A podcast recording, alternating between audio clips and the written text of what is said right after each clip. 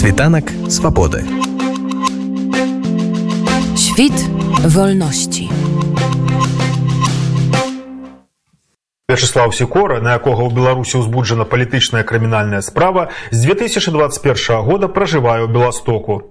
Менавіта з гэтага горада з пачаткам расійска-украінскай вайны ён пачаў займацца актыўнай валанцёрскай дзейнасцю, дапамагаючы церпячым ад пуцінскай агрэсіі украінцам. Бо паводле яго ён вельмі блізка да сэрца прыняў тыя пакуты, якія зараз перажывае украінскі народ. І ён лічыць гэтую вайну сваёй. Менавіта такое стаўленне падштурхнула яго да стварэння фільма, у якім галоўную мужчынскую ролю ролю расійскага афіцера Владзіміра, які займаецца рэалізацыю беларусі скрадзеных рэчаў ва ўкраіне, сыграў ён сам. Галоўная жаночая роля у беларускай актрысы Наталі Ляонавай. Яна грае украінку Аню. Роля юры беларускага афіцера сябра Владзіміра у літоўскага акцёра Андруса Дарэлы. А роля Тацяны сяброўкі Ані у беларускай артысткі Тацяны Ружаўскай. Дзеянні паводле сюжэту адбываюцца ў Беларусі, дзе аднойчы Уладзімир і Юра знаёмяцца ў рэстаране станей і Аней. Пасля чаго ўжо ў кватэры дзяўчын, напіўшыся, Уладзімир гвалціць Аню. Яна зацяжарыла, а ў гвалтаўніка ўзнікае да яе кахання, і ён хоча пабрацца з ёю шлюбам. Жанчына адмаўляецца, тым больш, што яе сапраўдны каханы ваюе ў шэрагах УСУ, але потым прыходзяць звесткі, што ён гіне. У выніку Аня пад ціскам Тацяны дае згоду на сумеснае жыццё. Напрыканцы фільма галоўная гераіня нараджае дзіця, паведаміўшы аднойчы ўладзіміру, што яна утапіла немаўлятку. Паводле рэжысёра яго фільм гэта перш за ўсё крык аб дапамозе. Фильм «Крик», «Крик о помощи». Фильм напоминание всему миру о том, что происходит в Украине. Дело в том, что этот фильм снимался про войну в Украине и оккупированную Беларусь про которую все забыли. Не для украинцев. Украинцы знают, что такое война на собственном примере, на собственной шкуре. Не для россиян, потому что оболваненный народ не будет смотреть это кино, а если будет, то, конечно, как мне уже пишут, что я хуже Соловьева. Я не знаю, это комплимент или оскорбление, даже не знаю. Что типа, это как уровень пропаганды. Ну ладно, бог с ними, это не для них кино. Фильм снят для Запада, для Европы, для Америки, для остального цивилизованного мира что я же тоже живу в Польше и вижу, что не показывают того, что на самом деле я вижу в Украине, когда езжу. В Славянск, в Краматорск, в Изюм. Этого никто не показывает. Как-то лайт, лайт такой, знаете, найс. Nice. Ну, идет война где-то, ну да, мы помогаем. И все. Люди собираются сейчас в горы, на море, на отдых. А Украина взяла на себя удар самый тяжелый э, и жертвует людскими жизнями. Да, там страны помогают, НАТО, оружие, но воюет только Украина. И для того, чтобы это напоминание всему миру, что происходит. Потому что как-то уже, ну, война, онлайн война идет, как футбол смотрят, кто кого, кто кому гол забьет, сколько погибло с этой стороны, сколько погибло с этой стороны. И все. Так может пора прекратить уже эту войну и помочь Украине, раз не людьми, не человеческим ресурсом, хотя есть иностранные легионы, это, не, это ничто по сравнению, сколько воюет украинцев. И вторая по численности это Беларусь. Потому что я тоже хочу вернуться в Беларусь. И я, это моя помощь. Как мне сказали мои друзья, которыми я полностью прошел Майдан, это они меня подтолкнули. Слава, нам нужна информацион, э, нужно еще выиграть в информационной войне. Оказывается, больше всего комментариев было по этому фильму украинцев благодарности. Да, напомнили, да, слезы, но это забывать нельзя. Нельзя превращать войну в обыденную жизнь. По фильму сняли, выложили, мы его подарили миру. Ну и люди отвечают тем же. Это очень здорово. То есть, э, э, как мы кажем, разом до перемоги.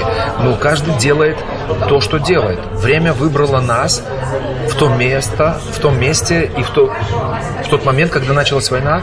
И каждый должен, журналист должен писать статьи, режиссер должен снимать кино, документальное, игровое Э, солдат воевать, волонтер помогать и так далее. Вось гэты сцэнар фільма ён адкуль узят кім ён напісаны і чаму ён вас прываліў вообще я написал его в семнадцатом году и хотел снять про белорусов в АТО я нашел и актера все но я не нашел финансирования и он мне этот сценарий так и остался лежать ну не, не этот конечно немножко другой но я взял за основу а вот когда началась война и три месяца волонтерства и когда мне все говорили да сними что-нибудь сними я вспомнил что у меня есть сценарий. Я его переделал, естественно, потому что ситуация поменялась, а то и полномасштабная война – это разные вещи. Я его переделал, дал почитать своим коллегам-актерам. Я получил нормальный такой положительный ответ и я стал собирать э, финансирование. В интернете продавал свои картины, часы, я делал аукционы. Фильм снят на донаты, по большому счету.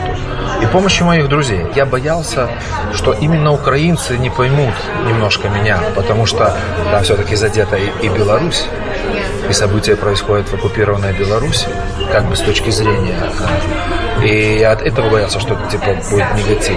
Нет, все прекрасно все понимают. Я вам хочу сказать, что на тысячу положительных отзывов на сегодняшний день 5 отрицательных, а у меня 10 кинонаград. Только За это профессионала, профессионального жюри, да. Но мне киноакадемики и кинофестивали на самом деле не интересны только потому, что фильм снят был не для фестивалей как таковых, а был снят для помощи сбора ЗСУ. То есть, чтобы люди увидели, прочувствовали, и это сработало. Сборы идут, так как я волонтер, идут на пикап, на резину для пикапов, потому что это расходный материал. Дродный расходный материал. Джип или пикап живет на фронте месяц. Это в лучшем случае. Этот фильм с подтекстом. Он не прямой. Там надо читать ассоциативный ряд там очень сильно. То есть э, Татьяна – это Беларусь, немножко Европа. Аня – это Украина.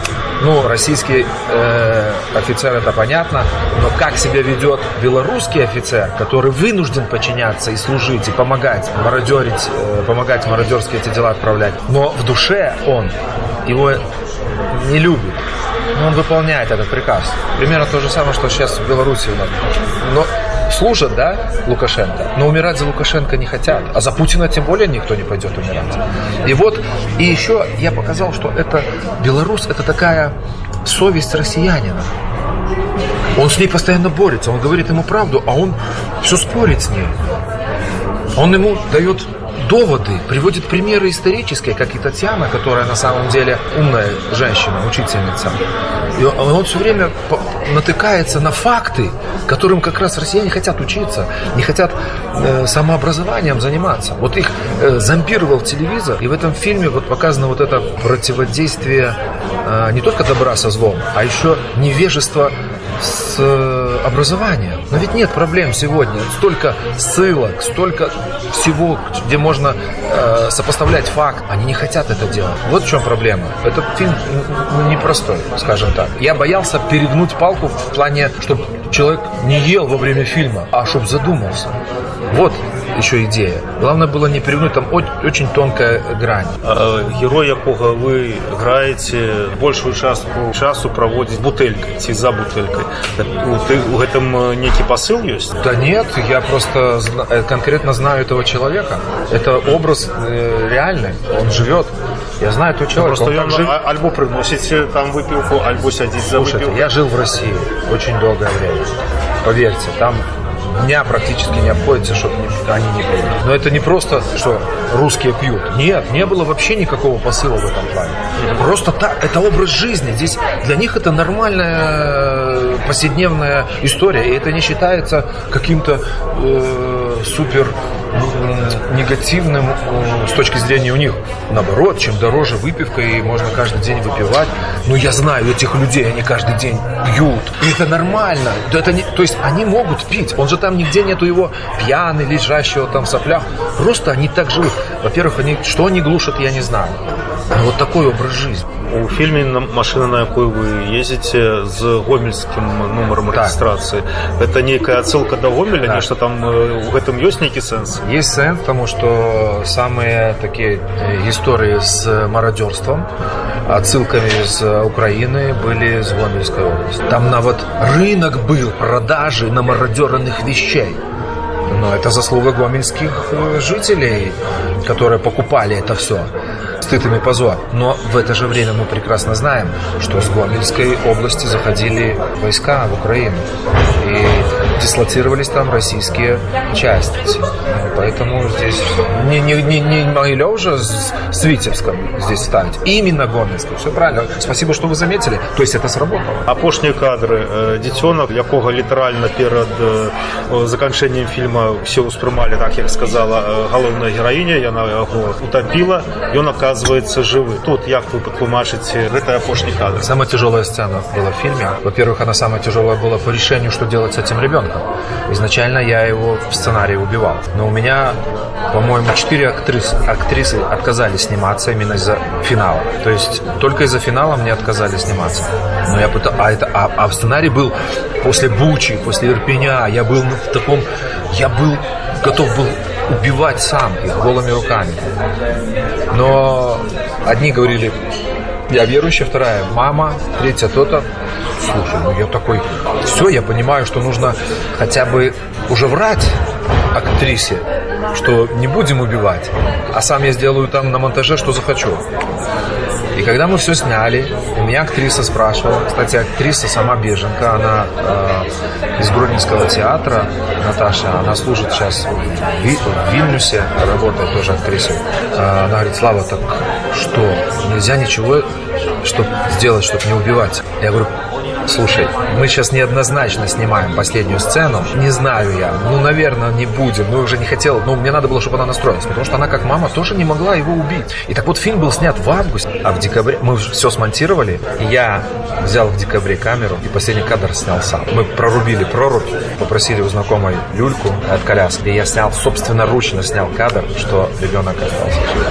Ну гэта прымушае задумацца што далей Сейчас расскажу. А, Я для себя нашел решение и освободился от этой сам ноши убийства как режиссера. И я понял, что россиянин Владимир, насиловавший Украину, растворился в ней, он погиб и переродился в новую Россию. Той России, которая была, не будет. Будет новая Россия, которая дала жизнь Украине. Через Украину сейчас идет перерождение России. Вот такое у меня философское э, для себя решение я нашел. И я освободился от убийства. Не может Украина убивать. Они сейчас не убивают. Смотрите, что делает Россия. Бомбит, бомбит, убивает мир населения детей.